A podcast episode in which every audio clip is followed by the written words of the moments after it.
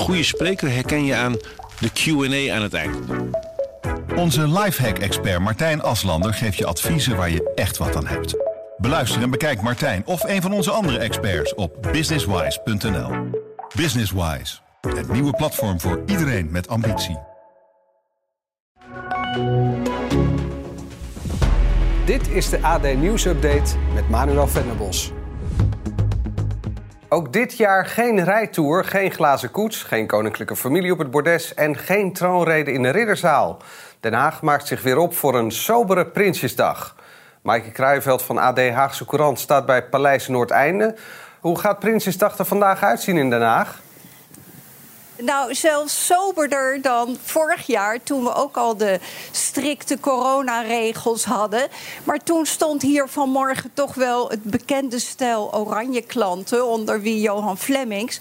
Maar die is er dit jaar ook niet. Dus eigenlijk alle Prinsjesdagsfeer is hier tot nu toe nog niet waargenomen. Uh, en hoe wordt Prinsjesdag vandaag in de rest van Den Haag beleefd? Nou, uh, de scholen zijn zoals elk jaar met Prinsjesdag dicht. En het is natuurlijk de bedoeling dat alle schoolklassen en kinderen met hun ouders dan naar de rijtour gaan kijken.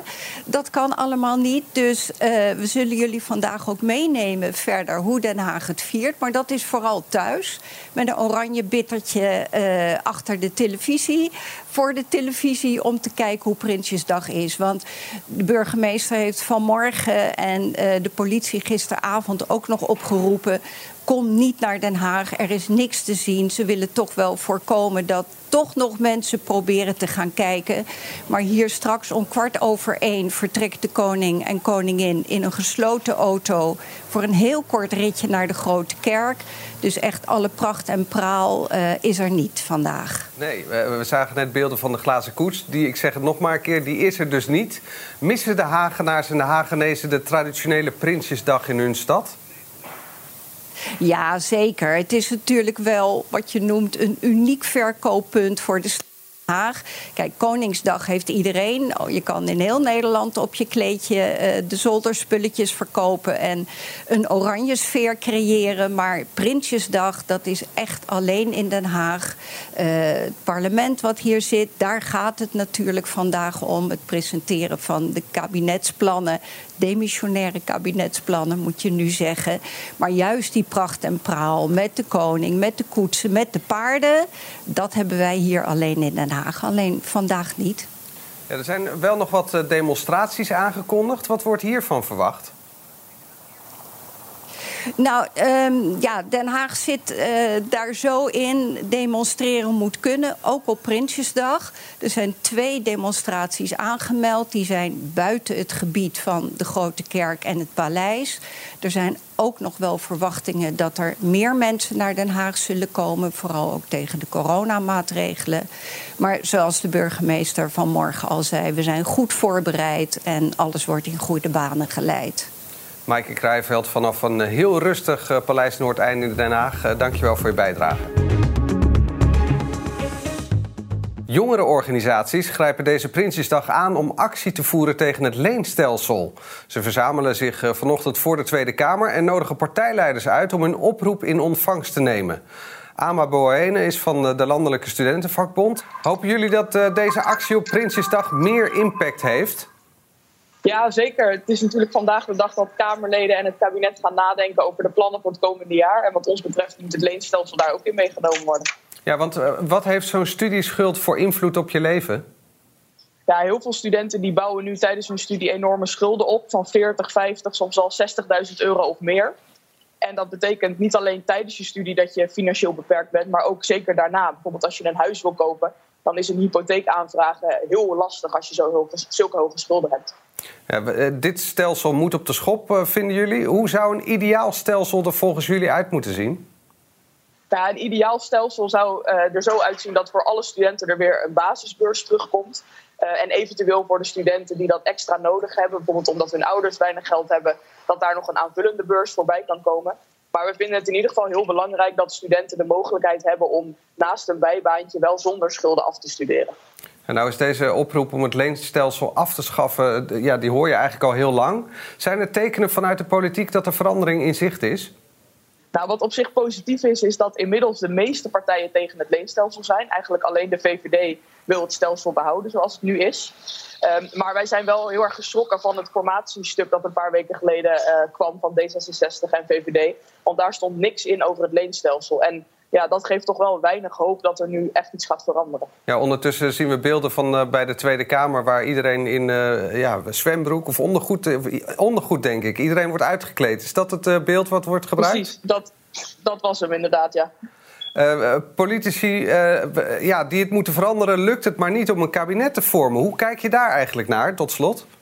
Ja, de formatie die duurt maar en dat duurt maar. En dat is natuurlijk voor studenten ook heel slecht nieuws. Want dat betekent dat de lichting studenten die nu eens gaan studeren weer met schulden moet beginnen. Uh, dus wij hopen dat er heel snel een kabinet komt dat het gaat aanpakken. En als dat niet gebeurt, dan willen we ook de Kamerleden oproepen om dan zelf maar actie te ondernemen. Ama Boyen, dankjewel en succes vandaag met de actie. De Iraanse vluchteling Aisa S. staat vandaag voor de rechter. Het OM verdenkt hem samen met drie Deense kennissen van betrokkenheid bij aanslagen in zijn eigen thuisland, Iran. Cyril Rosman is verslaggever bij het AD.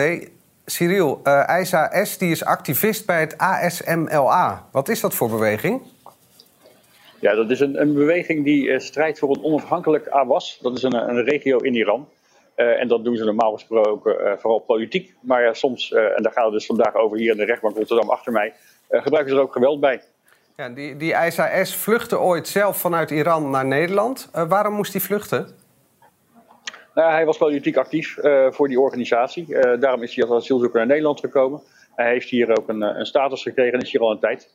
Ehm, maar ja, goed, vandaag staat hij dus terecht omdat hij nou, wordt verdacht van betrokkenheid bij het voorbereiden van aanslagen in zijn eigen land.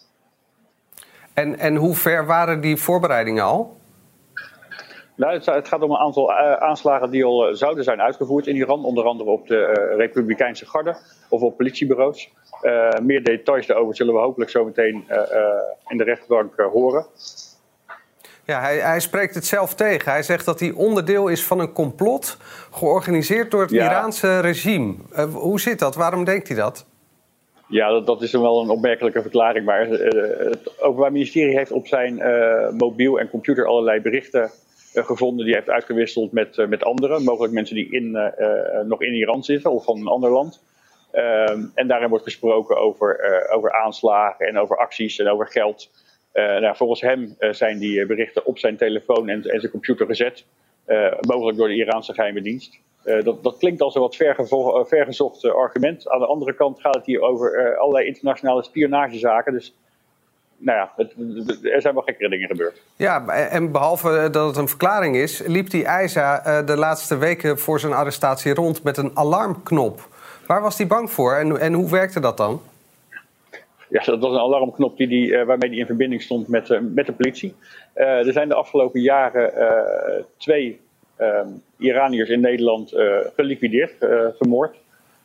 Die maken onderdeel uit van de Iraanse oppositie en zijn waarschijnlijk, zo zegt het ministerie van Justitie en de Nederlandse inlichtingendiensten, vermoord door betrokkenheid van de Iraanse regime. Dus dat ISAS zichzelf als, als zeg maar, nou ja, politieke activist bedreigd voelde door Iran, dat is niet zo raar. Daar waren ook wel aanwijzingen voor dat Iran hem op de korrel had. Daarom had hij dus zo'n alarmknop, zodat hij snel contact kon leggen met de politie. Maar ja, het, cynische daarin is dus dat hij nu dus wel zelf opgepakt is vanwege betrek, bedenking op betrokkenheid bij terrorisme. Ja, uh, mocht er nieuws uitkomen, dan komen we weer terug bij jou. Dankjewel, Cyril Rosman, voor nu.